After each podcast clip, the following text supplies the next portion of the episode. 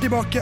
I årets første episode av Lyden av Curbs så tar vi deg gjennom alt du trenger å vite før årets sesong braker løs. Hvem kjører for hvem? Hvor i verden skal de kjøre? Og hvilke historier blir de mest spennende å følge i år? Alt dette og mer i årets første episode av Lyden av Curbs.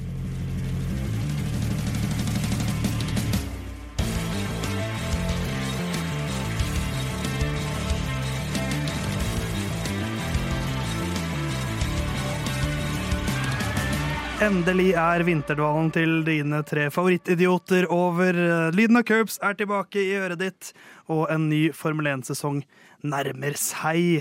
Eh, Og hva i alle dager er Lyden av Curbs? Det vet jo kanskje du som hører på, hvis du har hørt på oss før. Hvis du ikke vet det, så er dette et program om Formel 1 som går på Radio Nova, også som fins som podkast. Theis er mitt navn. Jeg sitter alltid bak spak og klaff, som regel. I hvert fall i Dette er vår 41. episode, så i 39 av de 40 episodene så har jeg sittet bak spak og klaff.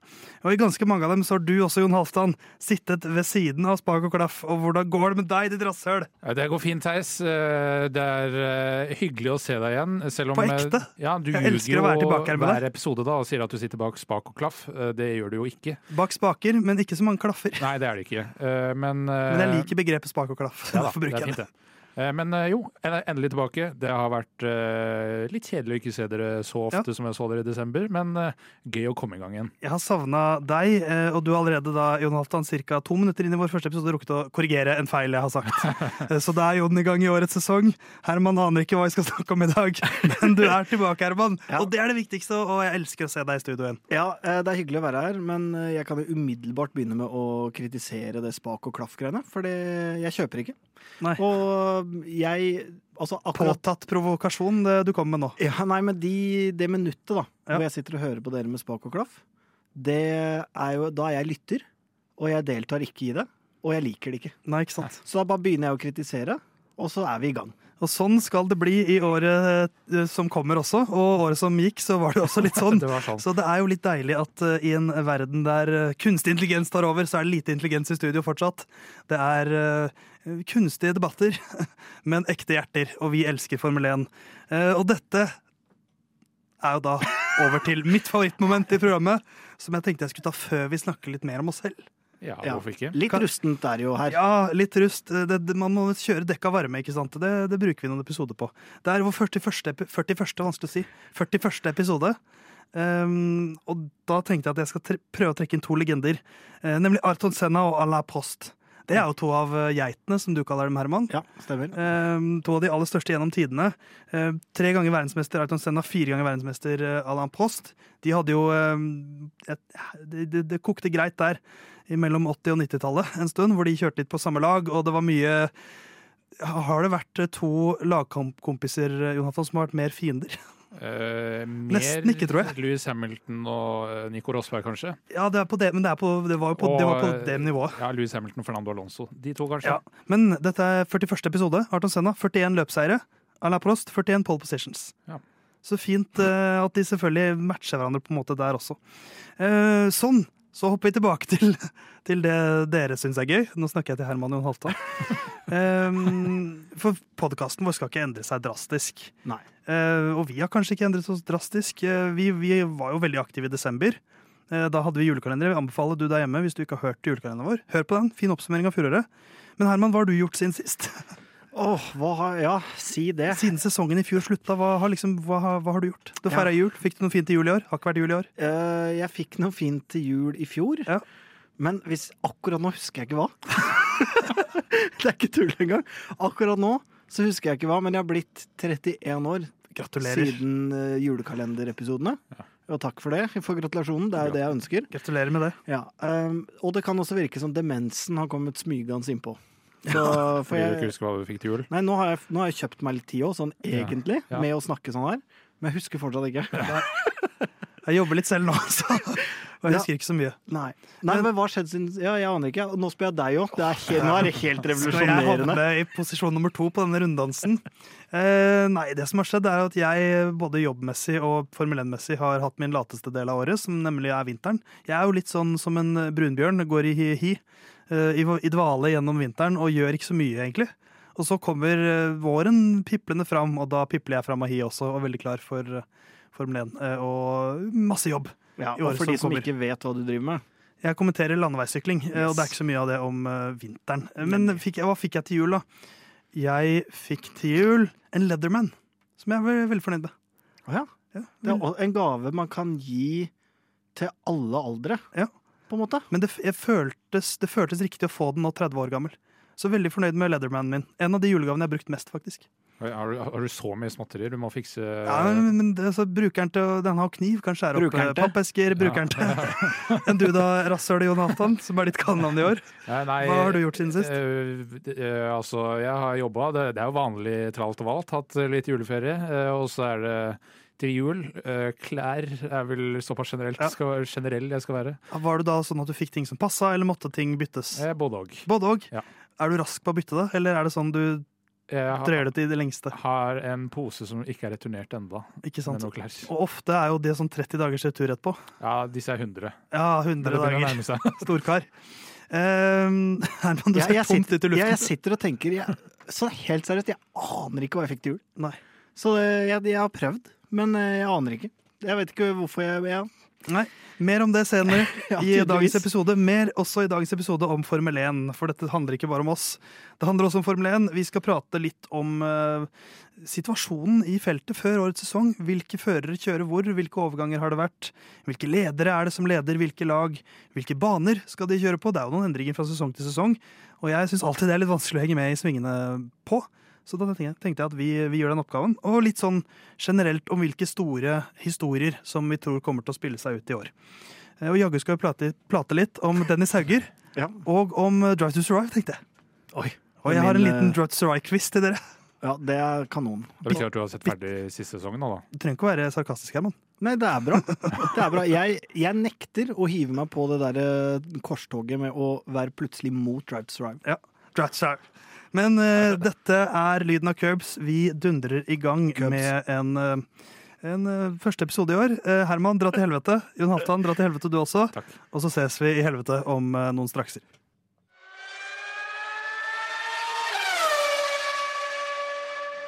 Nei, vi får uh, børja på med litt eh, Formel 1-prat, eller hva, Herman, de fnisegutt? Ja, vi, vi får det, men da, det har vært litt knot, syns jeg, til nå. Eh, Ja, det er først og fremst en følelse jeg tror dere sitter med. jo, men både teknisk og ja, Hvis jeg skal være helt ærlig, syns jeg det var litt knotete første del òg. Men eh, sånn reint Men dette, vet, du, vet du hva, jeg syns dette, dette er, vi så, er vi så uprofesjonelle og så fnisete at vi bare går rett i fnisefella med en gang? Jeg fniser. Dette skal bli et langt år, dere. Ja. men uh, Bjørn med oss. Uh, vi tenkte Altså, bear with me, var det en slags uh, vits på. Jeg, jeg skjønte, skjønte Det det. er 20 plasser i Formel 1, Jon Halvdan. eh, med tanke på sjåførplasser, i hvert fall. Faste førerseter. Ja. Eh, noen endringer har det vært til i år. Eh, skal vi ta en liten refreshing på hvor, hvem som kjører hvor? Eh, Det kan vi gjøre. Vi kan jo kanskje begynne i bunnen, da, eller fra i fjor. Ja, jeg tenker det. Eh, Det laget som eh, ikke har eh, eh, Altså, de fullførte jo høyere enn eh, tiendeplass i 2021, men det var fordi Has ikke møtte opp. Eh, Men det er da Williams. De hadde fått ny team principal fordi eh, eh, han forrige fikk fyken, Jost Capito. Som kom inn og skulle liksom revolusjonere alt. Ja, og så er vel ryktet at han har uh, tirra på seg Eller at innad i laget da, så har eh, det ikke vært så godt tatt imot de endringene han vil gjøre. Så inn kommer da tidligere strategy director eh, fra Mercedes, eh, James Wowles. Eh, kanskje best kjent for uh, Å plage Walter Bottas. Valtteri, this is James. Så eh, det blir jo spennende å se om han eh, klarer å eh, gå høyere opp enn det. Eh, førerne, eh, Alexander Albon, han kjørte der i fjor også. eh, tidligere Red Bull og Alfa Tauri-fører. Og inn kommer da første rookie, Logan Sargent. Så det er litt sånn er det litt sånn eh, heimebanestemning når de, de, det er en, en som ikke har trent på dette nivået før, som får laget, og så har de en ung, et ungt talent som kommer inn, Adrian Austnes, for de som husker eh, Det heimebane. Det er ikke så gammelt til meg å være. Er riktig. Men det er jo en spennende dynamikk der, i hvert fall, da, når du har en kar som har fått tatt et stort steg fra å liksom være Nå er han jo top dog. Ja. The buck stops with me, som Zac Brown sier i hver episode av uh, to Survive. Ja. ja, det er sant. Så får vi se hvem som blir Michael Ellingsen da, i Williams. Det blir Alexander Albon, han har høyden til det. Ja, sant. Jeg tror, og så tror jeg han Wowls kommer til å wowe alle på griden. Så takker jeg for meg. Kan jeg egentlig bare Skal vi bare gå videre til eh, Alfa eller? Ja, Jeg tror vi kan gjøre det. Ja, eh, Frans Tost han har vært eh, team principal der lenge. Eh, Førerne Yuki Snoda, og igjen ny rookie. eh, eh, Nick de Vries, eh, som eh, hadde Han er ikke rookie lenger. Det, det, vet du hva? Han er det offisielt, Ja, jeg- men jeg godtar ikke at han er rookie lenger. Han har hatt debutløpet sitt, men det var eh, derfor han nå har sete også, eh, i 2022 i Italia. Tok poeng der, eh, så det blir eh, spennende å se den egentlig mest for Yuki. Hvordan går det her? Eh, men eh, det, han må eh, steppe opp hvis han eh, skal beholde setet.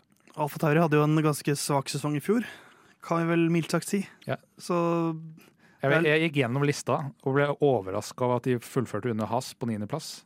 Al- Altså, det var så usannsynlig dårlig det de gjorde i fjor. Ja, og det har jo vært et lag som man gjerne kunne forvente at kunne være oppi der på enkeltløp, og som har sett ganske sånn stabilt midtfeltaktig ut. Så når vi spådde i fjor, så spådde vi i hvert fall ikke at de skulle ha en så dårlig, så dårlig Nei, sesong. Vi hadde vel Gasly ganske høyt oppe på Ja. eh, vårt eh, VM-tips, som jo indikerer at vi trodde de skulle ha en god sesong, men eh, den gang ei. Eh, neste lag, Aston Martin. Uh, team Hermans lag. ja, Hermans lag. Team Principal med det morsomste navnet, Mike Crack.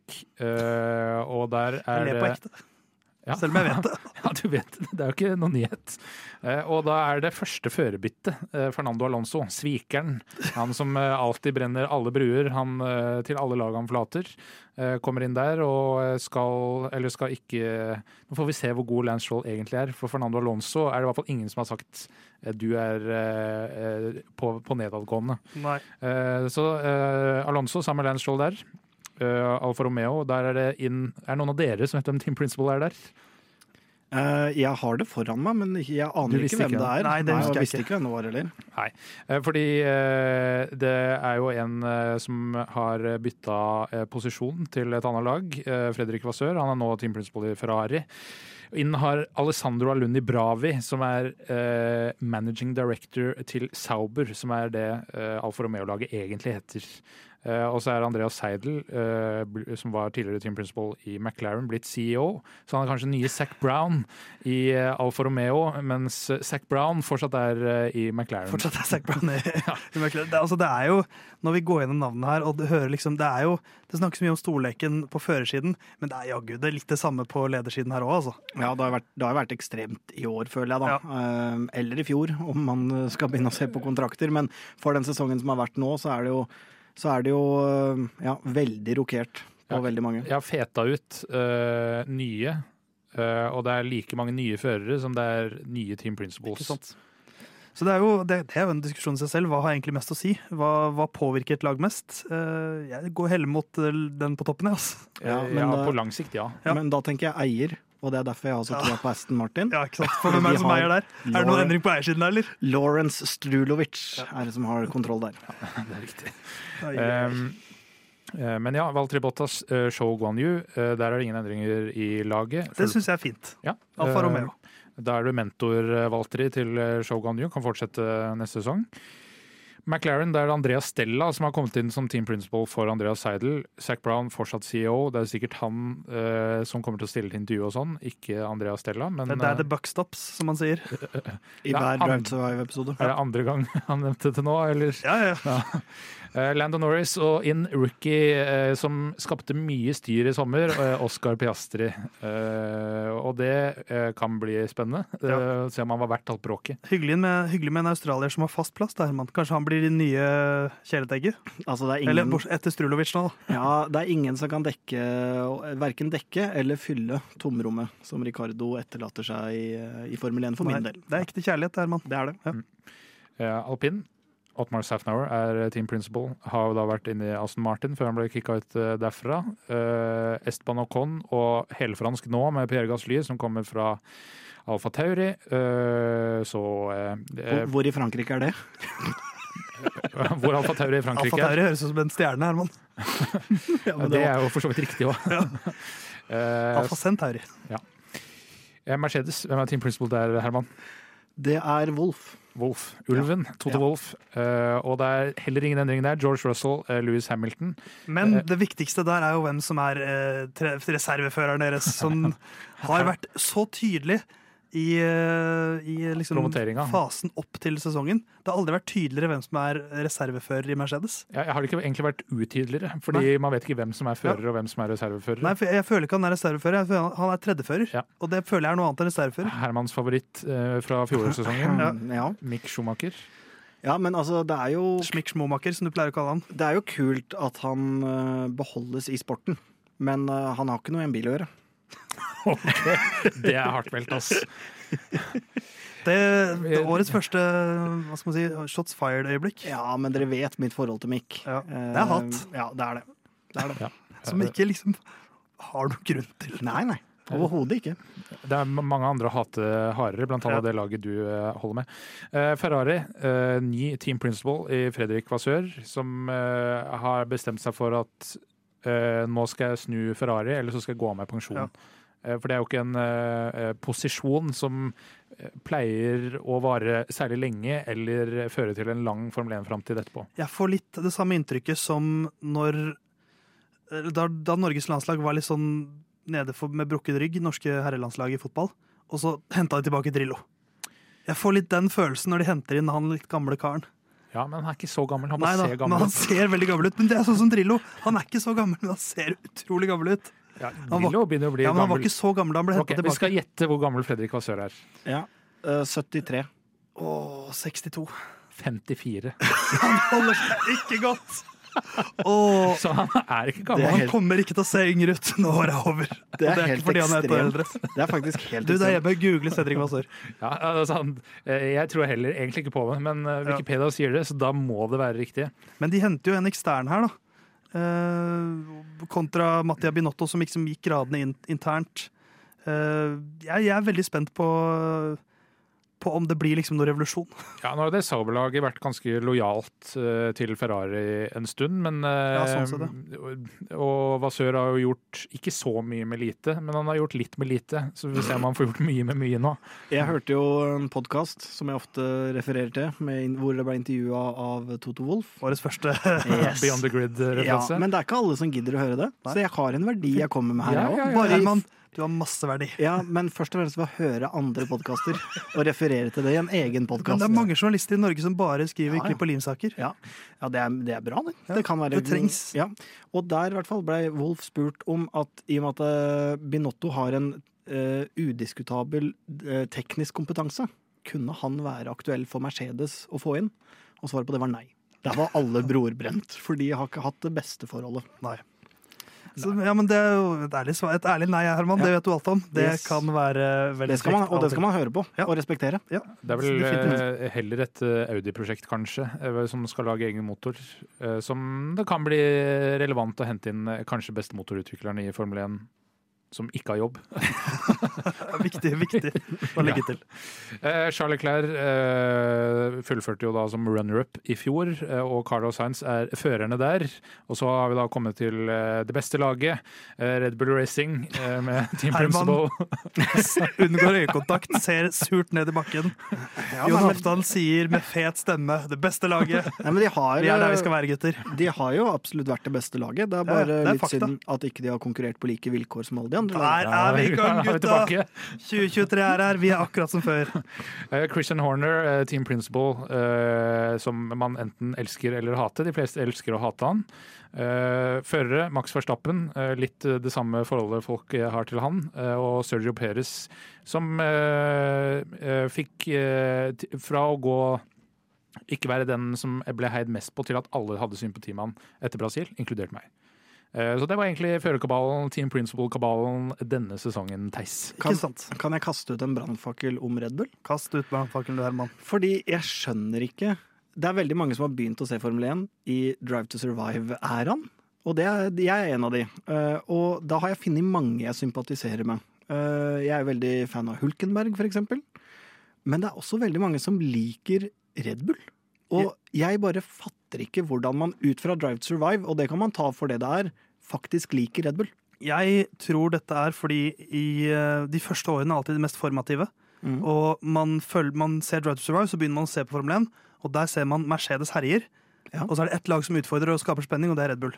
Ja, og, det er og når det skjer de første to-tre sesongene du ser på, Mm. da er det de du begynner å heie på. Og når Ja. de da begynner å dominere, så følger man jo det laget man har begynt å heie på. Og da har Det, man på jeg, måte- det er min teori. Da har man på en måte vært med fra starten. Når de Ja, ja, ja. Vært med på hele veien ja, da, ja, jeg kan jo, jo Ja, og jeg har vært med på veien opp, eh, Herman. Ja da, jeg kan skjønne de som fulgte før Drive to Survive på en måte er han. Men, eh, og som fikk med seg på en måte Verstappen sitt supertalent og alle de tingene her. Men de som har liksom kommet inn samtidig Ja, som men, meg ja, men det gjelder jo det samme at for i, Da to Survive kom, så var jo Mercedes på toppen. Ja. Og da har du to-tre sesonger hvor de stilte jo vinner ikke alt. opp i sesongen engang. Uh, og da, da har du to-tre to, sant. tre sesonger hvor de vinner alt. Og når Mm. det er alt du har sett på, og så ser du et lag som utfordrer, da heier du på de. Ja. Så jeg Nei, tror greit. selv de som har begynt å se på nå, er jo selvfølgelig Red Bull-fans fordi at de har vært utfordrerne lenge. Men de som begynner å se på nå, de heier ikke på Red Bull, tror jeg. Nei. Nei, men da får jeg sove i natt. Da har jeg funnet ut av det. det. Og det var uironisk, faktisk. Ja, At du får sove i natt. Men der føler Nei, jeg vi, vi er inne på noe ekte. Eh, det var førerkabalen. Det var førerkabalen. Eh, så er det en løpskabal også. 23 løp skal de kjøre. Vi skal ta en liten gjennomgang av årets sesong.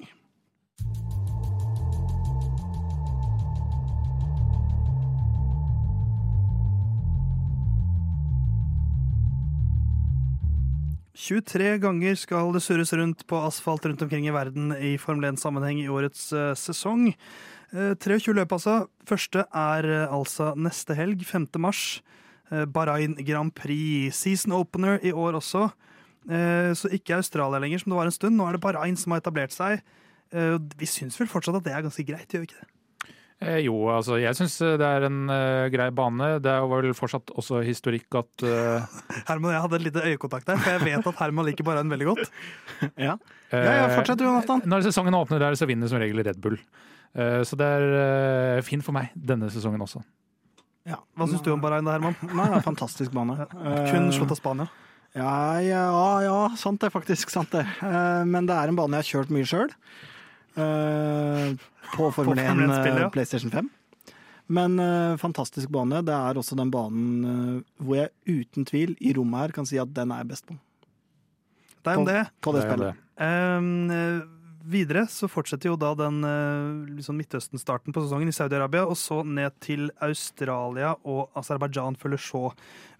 Få løp første månedene, for nå er vi allerede da i 30. april med Aserbajdsjan, så fire løp da fra 5. mars til 30. april. Jeg synes det er litt sånn Jeg vet ikke om jeg tror om det er helt bra. Nei. Bør man ikke i hvert fall sørge for at man har litt tett program de første to månedene? Jo, jeg, jeg ville likt det. At man kommer eh, godt i gang, og så, og så kan man heller slippe opp litt mer. Og det er, jo, det er jo nok av perioder som er hektiske for de førerne og laga uansett. Så det kunne like gjerne vært lagt i, i starten for min del. Eh, Men, men altså, det er jo fordi det er eh, ett land koronapandemien ikke er over for ennå, og det er Kina. Det er nettopp det. Men, men, og de, de, skulle jo egentlig vært med, de også, men forsvant. Og så har man da ikke funnet noe, valgt å ikke ta inn noe erstatter. Forresten, så ifølge mine kilder, og de er faktisk ganske gode her, så er koronapandemien over i Kina nå. Så jeg tror hvis den avgjørelsen skulle blitt tatt nå, så tror jeg de hadde arrangert. Men har ikke den vært over der en tre, fire, fem, seks, syv ganger? Jo da, men nå er den over igjen. Ja, ikke Ok. sant? Ja. Så nå er, det, nå er det slått der hvor man kan Ja, hadde, Kitte inn et det er jeg faktisk ganske sikker på at den hadde blitt eh, arrangert hvis det var nå. Men eh, mer om Kina. De var, de, det har ikke vært løp der nå siden 2019, før pandemien. Nei. Fire år på rad. Jeg syns det er en ganske OK bane, altså. Så jeg ser den gjerne komme tilbake igjen. Tror du den kommer tilbake igjen, Herman? Du som kjenner Kina så godt. Kina-korrespondent Herman Borgstrøm. Da må jeg nesten, hvis jeg kan få til et par Må høre episoder på en meg podkast først. Nei, men- få til helga. ja, Hvis jeg kan få et par episoder på meg, så skal jeg gå gjennom kildene. Også, for jeg har jo egne kilder i Kina. Ja. Hvor jeg da Kevin heter han faktisk. Jeg blåser ikke kildene, så jeg sier ikke hele etternavnet. Magnussen. Men, eh, men jeg har en mann som heter Kevin. Boots on the ground i Kina. Og jeg skal se hva jeg kan finne ut eh, gjennom han. Ikke sant. Men da er vi altså 30. april, så følger eh, Miami ditt favorittløp, Herman. Mm. Eh, Nye er Monaco. Kort inn på Aserbajdsjan. Eh, Første sprintløphelg. Stemmer. Eh, Det gir vi oss ikke med, nei. Vi kommer sikkert til å prate om det litt før Aserbajdsjan. Og og så tåkelegge med regler vi er helt sikre på at vi kan, og som Nå- viser seg å være litt feil. Nå kan vi, nå kan vi det. Men det er dobbelt så mange sprintløp eh, i år som i fjor, altså seks. Såkalt double down fra eh, Formel 1 der, altså. De, Som de Zac Brown sier i hver ja. Og change a winning team, som Formel 1 liker å gjøre. ikke sant. Nå er mye, det er ivrig. Eh, første eh, Nei, det er da den første double-headeren, faktisk, med Aserbajdsjan og Miami. Eh, og så er det en eh, liten pause før du får Emilia Romagna og Monaco og Spanias Grand Prix på rappen der, Jeg tror, ikke, jeg tror ikke jeg er der denne gangen. Nei, ikke Spania, i Spania. Nei, men jeg er ikke helt sikker ennå. Men sånn det ser ut nå, så er jeg ikke der den gangen her, da. Ikke sant. Mm. Uh, vi var nå i, i Spania, ja. Videre. Over til, så er det mye reising. Over til Canada, og så tilbake til Europa. Eh, det er jo litt tullete, syns jeg. Ja, Med tanke Eh, på miljøvern og sånne ting, så er det det. Ja, eh, men så er det jo komplisert å sy sammen, og det har vi prata om før. Stormsesong og bla, bla, bla. Og vær og så videre. Men ja, ja. Over til Canada, så Silverstone, så Ungarn og Spa. Og så kommer sommerpausen. Eh, Spa pleier å være etter sommerpausen, og du er jo en konservativ gammel sutrepave, Jonathan. Når det kommer Ja, til sånt. strengt. Så syns du det er litt surt at, at Spa ikke er etter pausen? Eh, nei, det Det bryr deg ikke? Nei. Det, vi kan godt droppe pausen. Vi Ja. kan legge, legge inn Men jeg skjønner hvorfor man har den. Uh, vi, vi fortsetter å ha den så folk orker å drive på med det her. Ikke sant? Uh, men hva som kommer før og etter pausen, det er ikke så farlig for meg. Det støtter jeg. Videre så fortsetter da en, en travel høstsesong, for den er tettpakket og fin, sånn som den ofte er. Zandvoort, altså Nederland, så Italia og Monza. ned til Singapore, bort til Japan, og så et hjemsyn med Qatar, Ah, yes. som er tilbake, eh, Tilbake på programmet i år etter at de ikke var med i fjor. Eh, Der var det jo mye hurlumhei i 2021-sesongen med Hamilton og posisjoner, og Hamilton vant vel foran Verstappen til slutt. Ja, Qatar var vel ganske ryddig. Det var mest Jeg blander med Saudi. Ja. Saudi. Saudi var ikke så ryddig av uh, Der unge var, det var der det var mer rot, men Qatar var vel en gøy bane? eh, Den var helt grei. Kjent for Du sier det om alle baner, du. Nei, ja, men- Helt grei bane. Nei, ja, men ja, ja, altså, vi har jo eh, eh, prøveeksemplar på én her, så det er liksom vanskelig å si Godt hvor poeng, eh, godt den banen fungerer. Den hadde curbs som drepte dekk, eh, så det er noe man må tenke på eh, før eh, helga. Jeg vet ikke om eh, man i det hele tatt har Ikke denne helga, men den løpshelga. Eh, du kan jo tenke på denne helga her òg. ja, selvfølgelig. Men jeg vet ikke om dekka er styrka. De er jo styrka en del til før forrige sesong, som de tåler bedre det curbs-kjøret der. Vi har jo ikke noe problem med curbs-kjør. Eh, men eh, usikker på banen, eh, om den fungerer med disse bilene òg. Vi får en test til i år, i hvert fall. Eh, og så er jo det jo din favorittdel av sesongen, Herman, som er USA-sesongen. Mm. For da er det altså først eh, Austin, Texas, altså den klassiske USA-banen. Eh, ned til Mexico, eh, og så Interlagos i Brasil, og så et løp som jeg tror mange gleder seg til i år, nemlig Las Vegas. Nest siste løp i år. Ny bane. Eh, nest siste løp kan jo ofte være en title decider, hvis vi får en jevn sesong.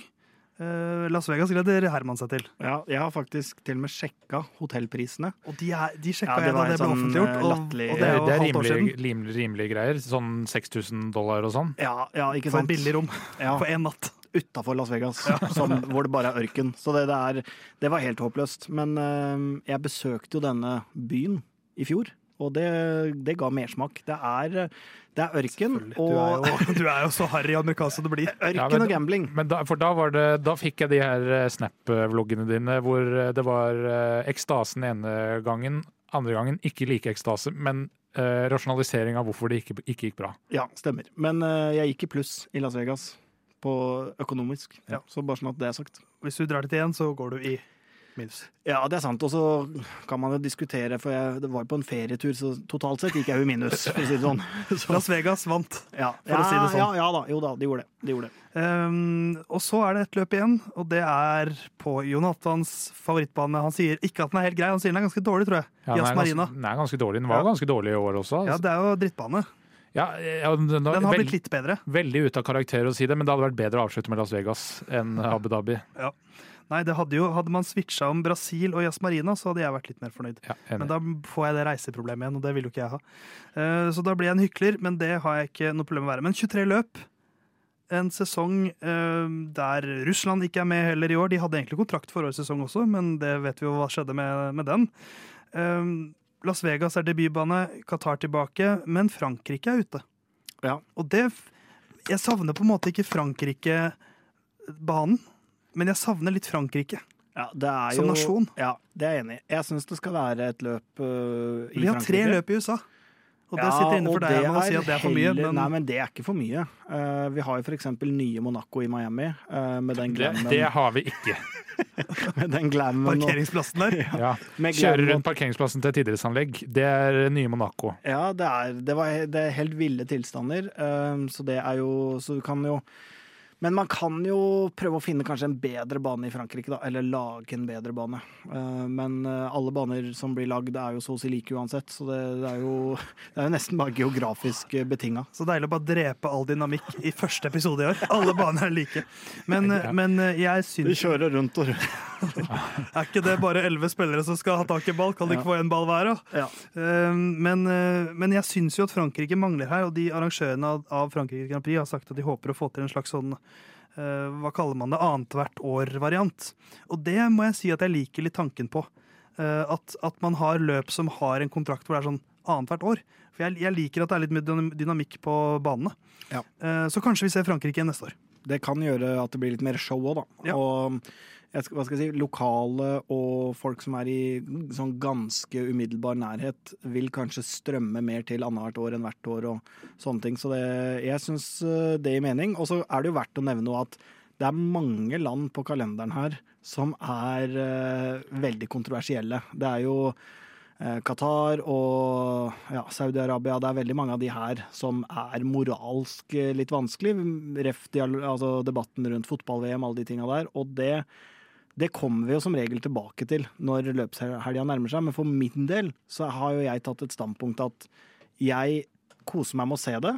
Og så vil jeg heller på en måte være med i debatten rundt at det er noe dritt å ha det der. Men, eh, men det er jo det er sikkert noen som boikotter å se de der òg, og det tenker jeg jo er helt greit. Men samtidig så føler ikke jeg på å, å se de enkeltløpa, da. Så det er verdt å nevne, og vi kommer jo som regel tilbake til det òg. Det gjør vi absolutt. Og det er jo litt dessverre sånn i år også at det er litt sånn vanskeligere å finne nasjoner det kan forsvares å kjøre i på kalenderen her enn en Man kan ha 23 løp i Norge. Kan ha 23 løp i Norge. Langgangen stiller. Eh, ja, vi har hatt bakkeløp i korketrekkeren. Det skal Ja. du fader ikke kimse av, faktisk. Null kims her. eh, men eh, Masse kims her. jeg tipper at eh, vi kommer tilbake til det du nevner der, Herman. Eh, fint å få inn det i første episoden også. Men eh, det var banene, det var førerne. Nå tenkte jeg at vi skulle kanskje ta en historie, en storyline hver, så vi tror blir interessant å følge i årets sesong.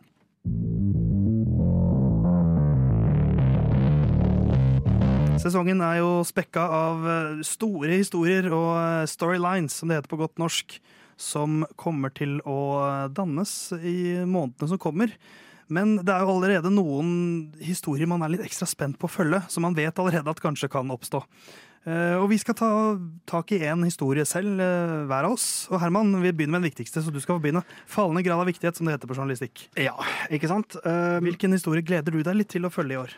Jeg fikk meg jo et lag når jeg var på løp i, i Spania i fjor. Um, Det var det laget som ikke var et topplag, som jeg kunne kjøpe meg merch. Og det, og det eneste laget det var, det var Aston Martin. Og jeg har jo alltid likt Lauren Stroll sin portrettering i uh, Drive to Survive. Altså pappa Stroll. Ja, hvor han får en helt sånn egen aura. Uh, hvis dere ser en vanlig episode av Drive to Survive og han dukker opp, så er det sånn de, Da er det alltid slow motion. Han får, de bygger han altså på en helt nydelig og skummel og James Bond-skurkaktig Det måte. det er James Bond-skurk. Det er den beste beskrivelsen av ham. Ja. Men de har lovt at neste sesong skal være mindre fiksjonsaktig, så det kan godt hende at det er slutt på slow motion på han da. Ja, men jeg Kanskje han bare begynner å gå i slow motion. jeg vil få alltid huske, på en måte, eh, det han har vært Du ser han alltid sagt sakte kino. Ja, det gjør jeg faktisk. Uh, sånn at for min del så er Jeg har fulgt laget tett etter at jeg kjøpte merch. Og det har du faktisk Ja, og det er blitt mitt favorittlag. Og jeg har har masse podkaster om dem. ja, og jeg har sagt igjen, gjentatte ganger så har jeg sagt til dere og til andre Formel 1-interesserte kompiser at jeg har troa på prosjektet til Stroll og til Aston Martin. Ja, så, og da ler og det, det les av Theis, og det fnyses av Jon Det er best fordi jeg syns du er veldig søt, Herman. Når du snakker om Aston Martin. Ja, men det som er greia, og det, det, kan, ingen, eh, det kan ingen ta fra de. Dere, kan godt, dere trenger ikke begynne å tro på prosjektet av det jeg sier nå, men dere kan ikke så tvil om det jeg sier. Fordi de har kapital i Lawrence Stroll, som åpenbart har en interesse av å gjøre det laget best mulig.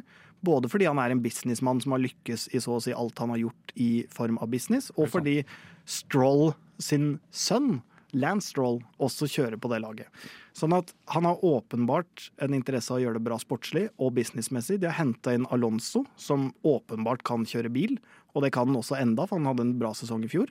Og, og i tillegg til det så har de investert noe sinnssykt i anlegg, sånn at det er helt nye eh, lokaler hvor de da kan utvikle bil. Og jeg så selvfølgelig, jeg har sett én car launch i år. Og det er Aston Martin sin. Hvor de da går gjennom Det er rein propaganda, det er jeg klar over. men det er jo alle de greiene der. ja, men de går gjennom hvordan det anlegget skal være med å heve laget for de. Og da er det blant annet sånn at nå sitter de og de avdelingene sammen. De har måttet sitte på i omtrent to forskjellige land tidligere, alt, alt det her. Sånn at nå blir det tette skodd. Og jeg tror at eh, Aston Martin kommer til å lykkes.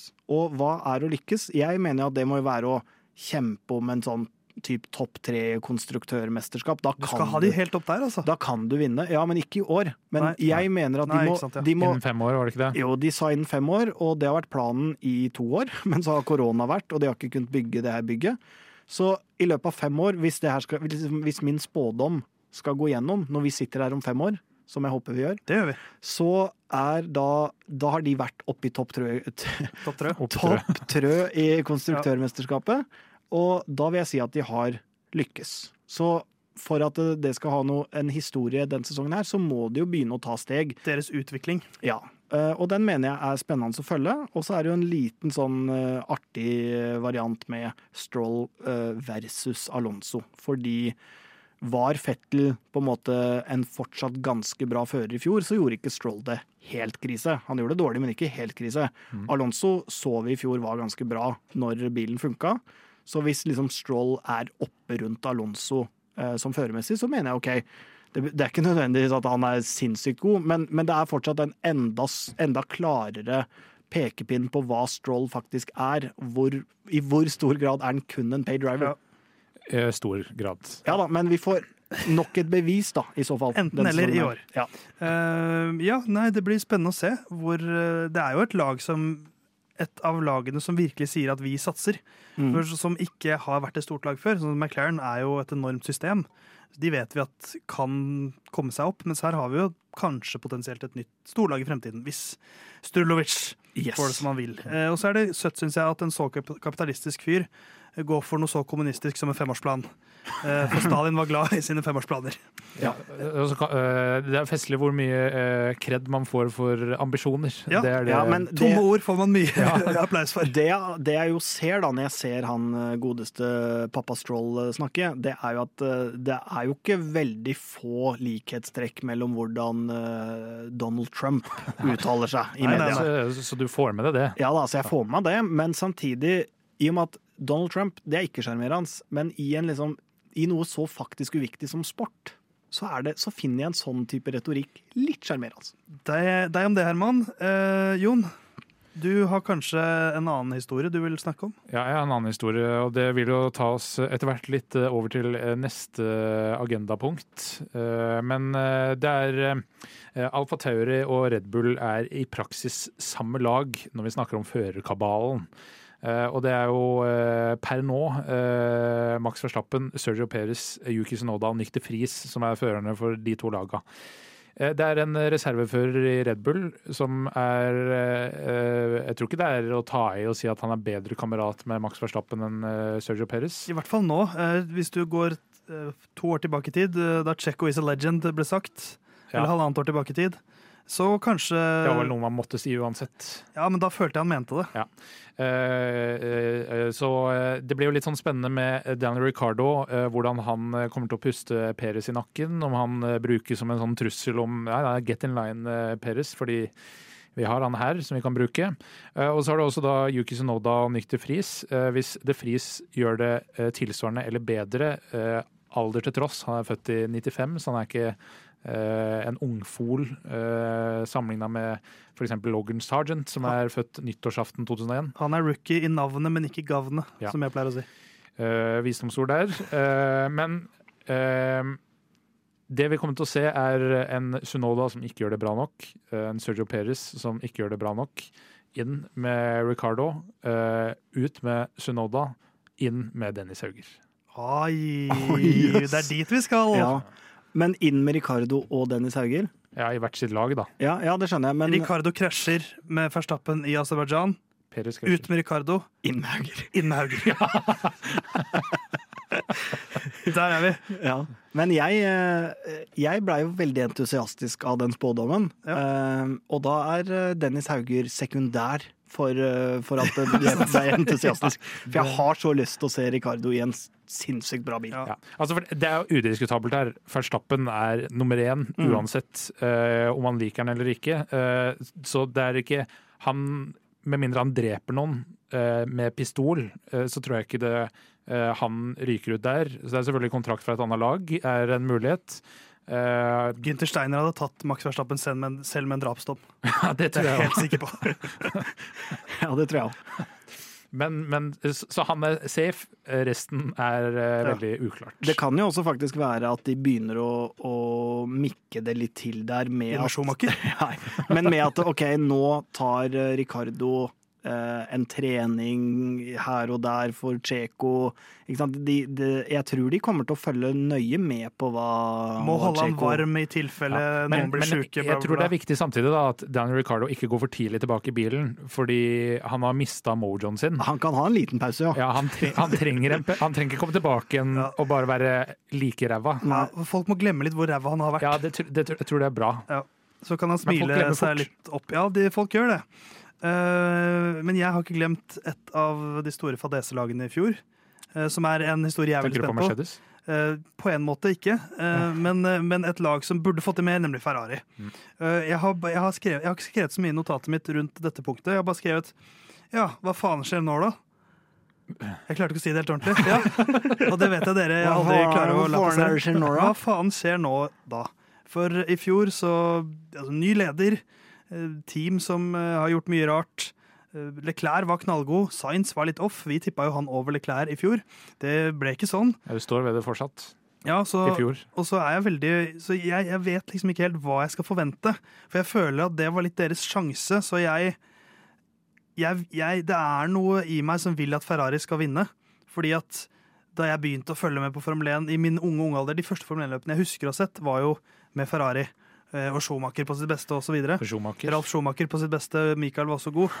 Um, Michael, ja. så det er jo mye i meg som vil at Ferrari skal vinne igjen, og jeg tror Formel 1 har godt av det også. At uh, Ferrari vil jo styrke Formel 1 sin popularitet også. For det er jo den største uh, merkevaren som lag. Ja altså, de, har, de har jo litt sånn uh, samme rute som uh, uh, mitt fotballag Manchester United. Se, nå er det jeg som kommer med fotballreferansen. Røde er de også. Ja, hvor det er vannstyre fra toppen. Ja. og toppen er der fortsatt, selv om Fredrik. Vassør har kommet inn. Men hvem skulle tro, bare for å skyte inn det, at man skulle ønske at Glazers ble i Manchester United? Ikke For nå er det jo qatarske eiere potensielt på veien der. Ja. Ikke sant? Jeg kan jo da skyte inn mitt eget eh, lag som spiller rødt, som også har blitt dolket i ryggen av dårlige eiere gjennom historien, nemlig Lyn. Ja. Eh, det gikk jo veldig dårlig med Lyn, så jeg Ja. håper ikke det går så dårlig med Ferrari. Men, Ja, men ba- bare det å se om det går framover, eller, eller om det er sånn to steg tilbake nå, Ja, som jeg er litt redd for. men det kan implodere fullstendig, da. Som jo er litt gøy, det òg. Ja, altså, jeg, altså, uansett hvordan det går, så kommer jeg til å veldig gjerne følge med den historien. Det er et av lagene. Selv hvis de står stille, så er det gøy, på en måte. Ja. Så bare det å følge Ferrari videre nå, gleder jeg meg veldig til. Nå er det ikke lenge til du drar eh, klisjeen om at eh, alle barn som tegner en racerbil, farger den rød. Men, men Herman, det som er deilig, er at du dro den for meg. Uh, så vi har jo allerede pratet litt om hva som kanskje skjer med Dennis Hauger i år. Men nå skal vi ta en liten ordentlig prat om Formel 2.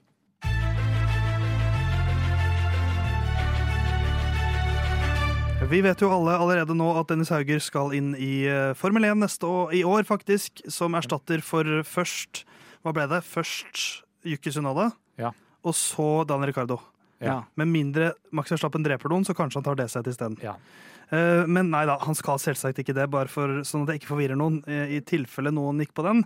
Han skal kjøre for MP Motorsport i Formel 2 i år, og de var jo veldig gode i fjor. Fjorårets konstruktørvinner. Yes, og, og hva skal man si, førervinner.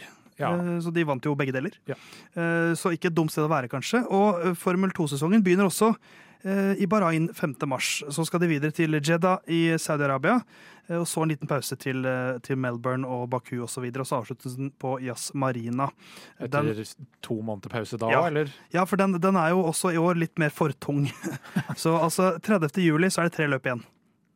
Eller okay. tre løpshelger igjen, da, for det er jo doble, doble løp hver helg. Ja. Så, så fortung sesong også. Så Dennis, du har ikke råd til å henge i tauene fra start i år.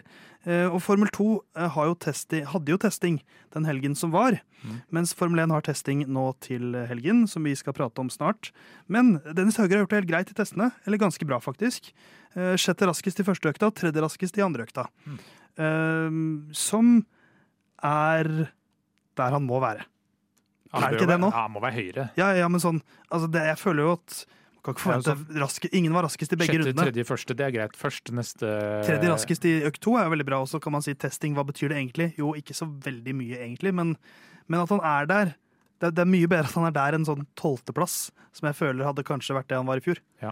Eh, Men, eh, men det er i år det skjer, altså. Han har sagt i en del intervjuer nå at eh, Jeg har ingen backup-plan. Ja, sa han i intervju med VG, og det kan du ikke ha hvis du skal nå Formel 1, tror jeg. Um, men ja, vi har prata litt om det i fjor, men vi må også det i år. Hva må han i år, Herman? Må han vinne? Nei, han må ikke det. Eh, Men det kommer veldig an på, for det har jo vært år hvor Når var det, var det tre stykker som kom opp fra F2 det ene året? Med Albon og Ja, Russell Norris og og- Norris, ja, Ja. den sesongen. Ja, så det, hvis, det er en, eh, hvis det er en eh, sesong hvor flere i Formel 1 enten gir seg, eller bare ja, Du ser helt åpenbart at de er for dårlige. Sunoda lever jo litt farlig, Checo Perez kan leve litt farlig. Hulkenberg. Hulkenberg ja. lever han, veldig farlig. Han, Blir han avslørt på en måte? Er Han kan jo få hjerteinfarkt, han er jo så Ja. gammel. Eh, eh, Ja, men, eh, men det er mange andre faktorer. Fernando Alonso er han ferdig. Hamilton vinner han i år, kanskje han da gir seg. Så da. Plutselig så har du en fem seter, da. Det er veldig satt på spissen. Fem men- seter? Da begynner det å bli da, da tre, tre unger baki. Ja, ikke sant? Jeg har hatt dårlige vitser i denne episoden, her, jeg òg, men den, den tror jeg toppa det. Takk. Um, Takk. Men eh, ja, så plutselig så er det jo fem Formel 1-seter som skal fylles. Eller to, eller tre, eller ett, eller null. Så alt det der påvirker jo veldig. Men at han må være stabilt god denne sesongen her, det fremstår jo åpenbart. Og han bør aller helst vinne. Det er ikke noen tvil om det, men jeg tror, jeg tror på en måte sånn som han kjørte i fjor Hvis han på mystisk vis hadde fått eh, nok poeng med akkurat samme kjøremønster i fjor til at han vant Formel 2, ja. si sånn, på helt mystisk vis, så tror jeg ja, så tror jeg fortsatt ikke det hadde vært nok til å gå opp i Formel 1. Da. Sånn at eh, jeg tror nok, og Daruvala herja jo tidvis i hvert fall i fjor. Eh, Så ble det jo ikke så bra sesongavslutning for han. Nei, Daruvala slo han med 11 på jeg mente ikke Dennis. Daruvala, nå mente jeg Drugovic. Drugovic. Daruvala herja ikke. Nei, Han kom 11 gjorde foran Dennis. Drugovic! Daruvala? Det er Omskriving av historien her. Fake news Ja. fra vår største Trump-fan. Da- Daruvala Den er Ja, nei, ikke der skulle, Akkurat det partiet der skulle jeg gjerne hatt sletta, men uansett. Drugovic herja tidvis forrige sesong. Ja. Men han har jo ikke noe Formel 1-sete denne sesongen. Det er fordi det var hans tredje sesong. Dette er hans andre sesong, topp tre. Eller så kan han godt vinne neste sesong, da er han ikke garantert noe sete. Eh, og hvor du kan ende opp i en eller annen ja, I Red Bull, så jeg vet ikke om de sparer på noen særlig fler eh, etter eh, F2.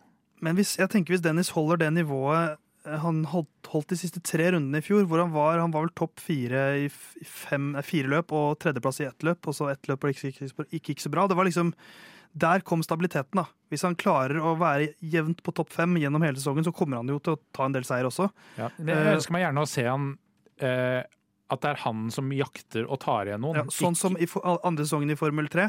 Ja. Akkurat sånn må vi jo se han i år. Ikke, ikke sånn som det var mye i forrige sesong, at øh, klarer å ta vare på dekket og ikke bli kjørt forbi. Det, da, jeg tror ikke det er nok, altså. Men eh, formel, altså det, vi, hans første sesong i Formel 2 var mye bedre enn hans første sesong i Formel 3. Så, Og vi husker hvordan hans andre sesong i Formel 3 endte. Ja. Da herja han. Uh, så vi får se nå. Så det er jo en av de historiene jeg også er mest spent på å følge, faktisk. For i år føler jeg det gjelder litt. I fjor var det mer sånn ja, det er ikke så viktig hva som skjer med Dennis, men i år det er, kan være make it or break it. Um, så det er Dennis som har testa allerede, men Formel 1-bilene de aner vi egentlig ingenting om uh, foreløpig hvor ligger.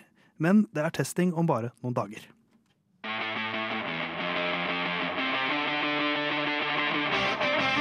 Formel 1-sesongen nærmer seg start, Herman. Og hva betyr det? Det betyr at uh, nå er det snart start i Formel 1.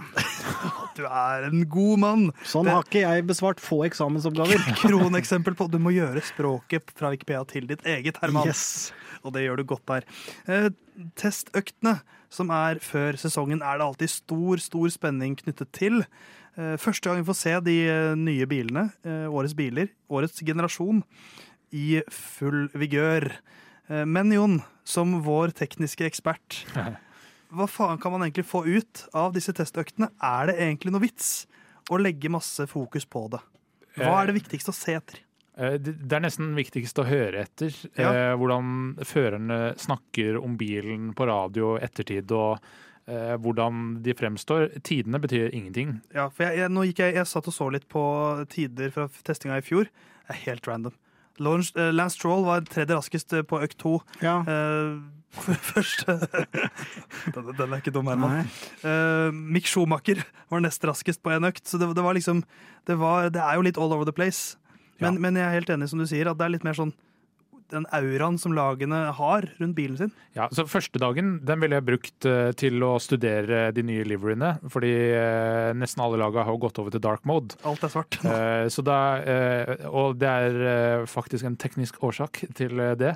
Eksponert karbon sparer vekt og ser også sort ut. Så jeg har vel også hørt noen som sier at man må ta bort maling fra det vektkravet, fordi eh, ellers så får vi bare sorte biler. Ja, det, altså, det, kom, det kommer et direktiv i løpet av noen år nå hvor det er Helt sånn sikkert. men For det er jo bare å si alle må ha Tre kilo maling. tre kilo maling. Og så er den grei. Er det så mye maling? Maling feier mye, altså. Det er jo grunnen til at, uh, Ja, altså- at fly er hvite, er at det er mye lettere. Ja, det, det skjønner jeg.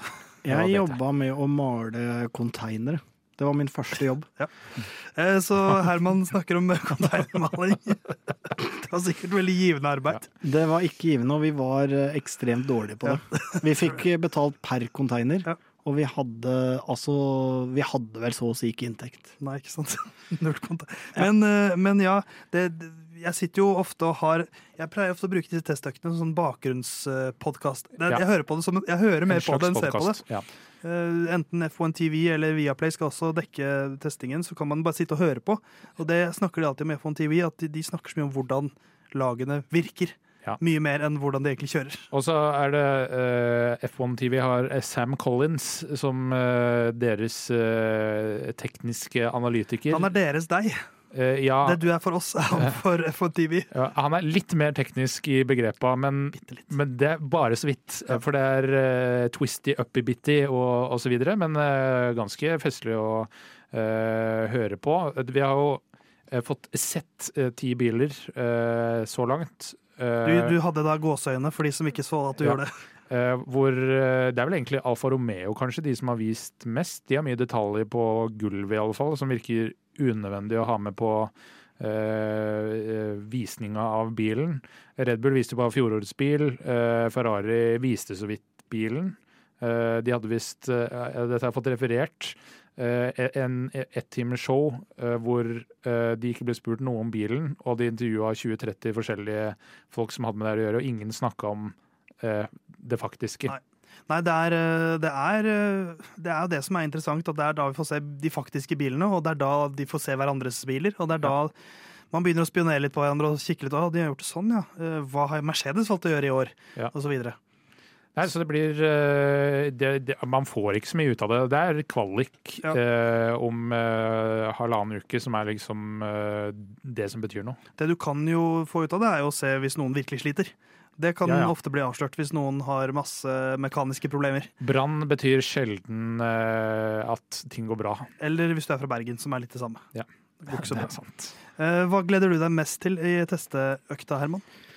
Hvis du gleder deg, da. Det er jo typisk deg å ikke glede deg i det hele tatt. Ja, har dere, dere var litt entusiastiske, var dere ikke det? Ja, så da tar du Ja, nei, da gir det meg ingenting. Nei. Da, da er det bare noe dritt. Eh, men nei, jeg, det er jo litt det å ha Da er vi i gang, da. Da er det noe å prate om. Da, Ja, da er det jeg- jeg noe er å se enig. fram til. Jeg er helt enig. Det er den 'nå er vi i gang'. Ja. Det er, da, da, I fjor var det jo liksom Man prata jo masse om rundt testinga om porpoising. Om liksom, det var jo mye snakking, mye snakkiser med Ja. nopods-konseptet osv. Så, videre. Så det kommer jo, noen, det kommer jo alltid noen sånne feite historier. Ja, og nå, jeg så det har vært en video av Mercedes ute på Twitter, blant annet, hvor det er noen som mener at de ser porpoising Ja. med, med bilen. Andre mener at ikke det er, det er bare en hump og alt det der eh, røret der. Sånn at eh, det, det kan være noen ting å se på, men samtidig så er det sånn, ja, vi får ikke vite det før kvalik uka etter, og så er det egentlig litt sånn ja, men vi får ikke helt vite det da heller, fordi noen har veldig bra race pace og et litt annet oppsett, og så plutselig kommer jokeren ja, men noen er veldig bra på den banen. Så Ja. det, vi vet ikke mye mer før Og Mercedes kommer jo etter hvert, så det, no, noen ganger så må man egentlig først sånn Europasesongen. Og etter sommerpausen. Ja, men det er litt sånn, så det, man må jo følge med hele veien, og forhåpentligvis er det litt jevnt, sånn at man har spenning hele veien inn. Eh, og apropos porpoising, altså det er et par eh, regelendringer. Eh, man skal eh, løfte gulvet med 15 millimeter, eller halvannen centimeter, som liksom skal hjelpe med porpoising, og eh, stivere gulv. Eh, og så har de redusert minimumvekta med to kilo. Det er eh, de liksom største ja, Det er kanskje derfor eh, det er blitt så mange sorte biler, fordi da fikk man henta inn de to kilo. Det er det jeg håper å gjøre i år også. Redusere min vekt med to kilo. Jeg trenger ikke mer enn det. Eh, men uh, testing det, gleder meg som en unge. Til testing. Ja, Ja, jeg Tenk at noe så lite viktig kan være så viktig, som du cirka sa i stad, Herman. Ja. ja da, det er jo jeg som kom på det Ja. eh, sitatet. When the fat lady sings. Callback til første sesong av Drudge Survive. Ja, it I ain't over. Ja, han sier det. Han uh, In, indiske eieren av Force India, som Mm. hevder at han hadde funnet opp Han har funnet opp 'It ain't over until the fat lady sings'. Og alle vet at det var Herman Tangen fra Langgangen som fant Eh, opp det. DJ Malia, bare så vi har navnet nå. Er han dømt nå, eller? Det vet jeg ikke. Nei, for det var jo en pågående eh, pågående Nå er ikke han her til å forsvare seg. Vi, Nei, men han var jo en pågående rettssak. det var en pågående rettssak. Den er sikkert ikke pågående nå lenger. Vi er ikke ferdig helt ennå.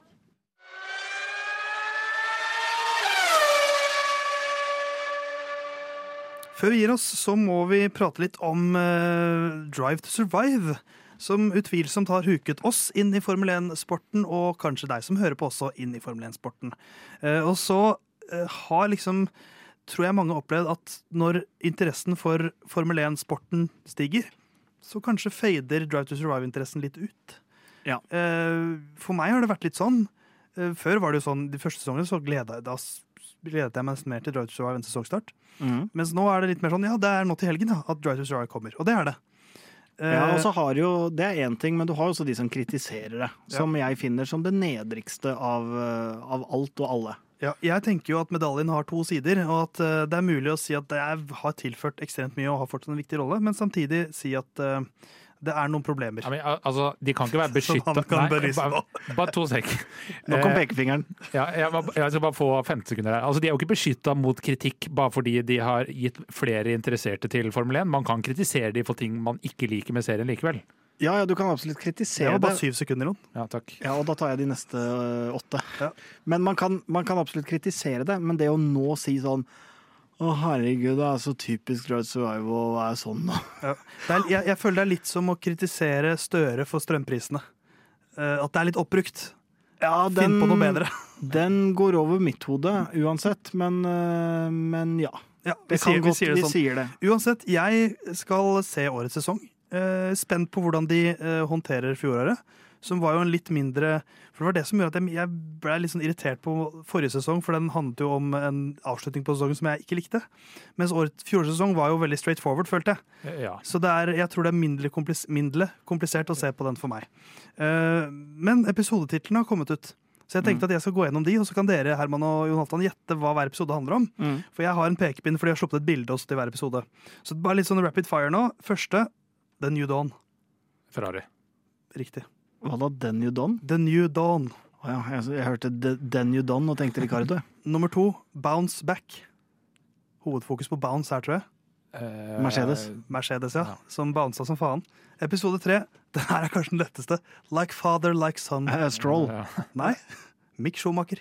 Ah, ja. Det Tenk er, at- jeg trodde den var så åpenbar. ja, den er jo det. Ja. Men min Ja. første referanse er jo åpenbart Strulovic. Ja. Jeg har snakka mye om forhåndssender, da. Nummer fire er ikke like åpenbar hvilket lag, men Matter of Principle, som jeg tror handler om Ferrari. Eh, For det er i hvert fall et Ferrari-bilde som har blitt Ja. sluppet, men at det handler om kanskje eh, Mattia Binotto på et vis. Og at det koker litt rundt Ferrari. Eh, hot seat. Eh, McLaren? Jeg tror det blir en Checo Perez-episode. Ja. Eh, for det, hans sete er ganske hot. ja, men det var jo det McLaren sette òg. For så vidt. Uh, pardon my French. Uh, Gasly, Ocon, Litt usikker. Alpine uh, Pardon my. French. Uh, Eller så er det Gunther Steiner som ikke det kan godt hende. Episode syv, din favorittepisode, Herman. Nice guys finish last. Ja, det er Ricardo. Det er Ricardo. Og så Alfamale nummer åtte. Å, det er jo lett å tenke Det er lett å tenke Lawrence igjen, for min del. Men det er Alfa Tauri. Ja. Ah, Alfa. ikke sant? Det kunne jo vært Eh, Romeo. Kunne vært Romeo. Og så nærmer vi oss da slutten av sesongen. Over the limit. Eh, Det må jo være Catering Gate. Det tror jeg faktisk det er, for det er bilde av eh, Red Bull. Og så, Catering Gate. Propaganda er propaganda. og så den klassiske siste episoden som har generisk navn, End of the, of the Road. Eh, som jo bare handler om sesongens slutt. Ja, Eh, Og, og kanskje deres karrierer, Sebastian Fettel, kanskje? Det kan godt hende. Ricardo, kanskje. Eh, men jeg har, jeg har en, en utfordring til dere, gutter. For jeg syns alltid det er gøy å se siste episode i hver Drive to Survive- Survive-sesong. Har en liksom generisk tittel som handler om at noe er over. Så jeg har tatt med meg de fire første sesongenes siste episodetittel, og så har jeg lagt inn noen som jeg har funnet på selv. Og så vil jeg at dere skal prøve å gjette om dette er en ekte siste episode av Drive to Survive, eller et navn jeg har funnet på. Ok. Så vi kan eh, begynne med eh, første. Eh, ja. eh, 'Crossing the Line'. Ja, den er ekte. Den er ekte. Ekte. Du tror også det. Det er fra første sesongen. Mm. Så den har, kjenner man kanskje godt. Hva med 'Finishing First'? Finishing Ja, jeg tror den er ekte, den òg. Nei. Den er min. 'Drive to Win'. Ja, jeg tror den er ekte. Ah, Det, det hører ja, Nei. Den er også min. Eh, Jon, du er god på dette. Hva med 'Checkered Flag'? Den er ekte. Ja, det er ekte. Den er ekte. Sesong to. 'Fight of Champions'. Jeg tror den er ekte. Er ekte? Nei, nei, jeg tror ikke den er ekte. Ikke ekte, den heller. Den er også min. 'Hard Racing'. Den er ekte. Ja, ja, den tror jeg er ekte. Den er ekte. Det var forrige sesongen. Eh, 'Nothing to Lose'. Ja, den er ekte. Ekte. Den er min. Oh. 'Fight to the Finish'. Ja, den er ekte. nei. Den er uh, min, så den er ikke ekte. 'Down to the Wire'. Nei, den er ikke ekte. Ekte. Den er ekte. Så de ekte er da 'Crossing the Line', 'Checkered Flag', 'Down to the Wire', 'Hard Racing' og nå sesong eh, fem 'End of the Road'. Det blir jo ikke Det er veldig generiske titler. Ja, ja. Eh, så der syns jeg kanskje Drive to Survive må jobbe litt. Kan være siste filmen i en trilogi. Det kan det være. Men vi eh, skal fortsette å jobbe. Det kommer, dette var den første episoden av Lyden av Curbs i år. Hvor kan man følge oss, Jon? Man kan følge oss på Instagram. Og TikTok. Og TikTok. Lyden av Curbs. Eh, vi har også en, en nettside som eh, blir litt sånn sporadisk oppdatert, eh, curbs.no. Men der er det, hvis du hører dette live på Radio Nova, så curbs.no slash podkast med C eller K, spiller ingen rolle. Da finner du oss. Yes. Og Lyden av Curbs altså på Instagram og TikTok. Send oss i DMs eller skriv i kommentarfeltet hvis du har ting du lurer på. Og dette var vår første, episode, men ganske straks så kommer også vår andre episode, som er vårt offisielle sesongtips. Eh, hvor vi skal gjøre sånn som vi gjorde i fjor. Gå gjennom alle 20 førere og prøve å stable de oppå hverandre og se hvem som ender på toppen.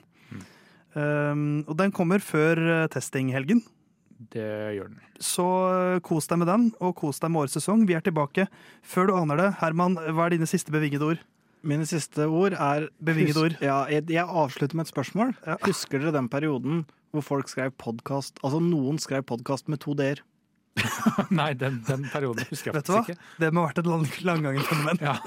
okay. ja, Her, jeg bare har du hørt en sånn podkast? Jeg bare spør, jeg. Hva er dine siste bevingede ord, Jon Hoftan? Uh, det er podkast skal skrives med K. Podkast skal skrives med K. Du kunne jobbet for NRK, sånn som du snakker. Ja. Uh, Jeg er ikke så opptatt av sånt, jeg. Men jeg er opptatt av god stemning, og det skal vi skape rundt Formel 1 hele sesongen. Ja, og så legger vi ut en eh, oversikt over alle førerbyttene eh, på sosiale medier, så sjekk ut det. Enda en grunn til å følge oss i sosiale medier. Eh, Vi er tilbake om noen dager.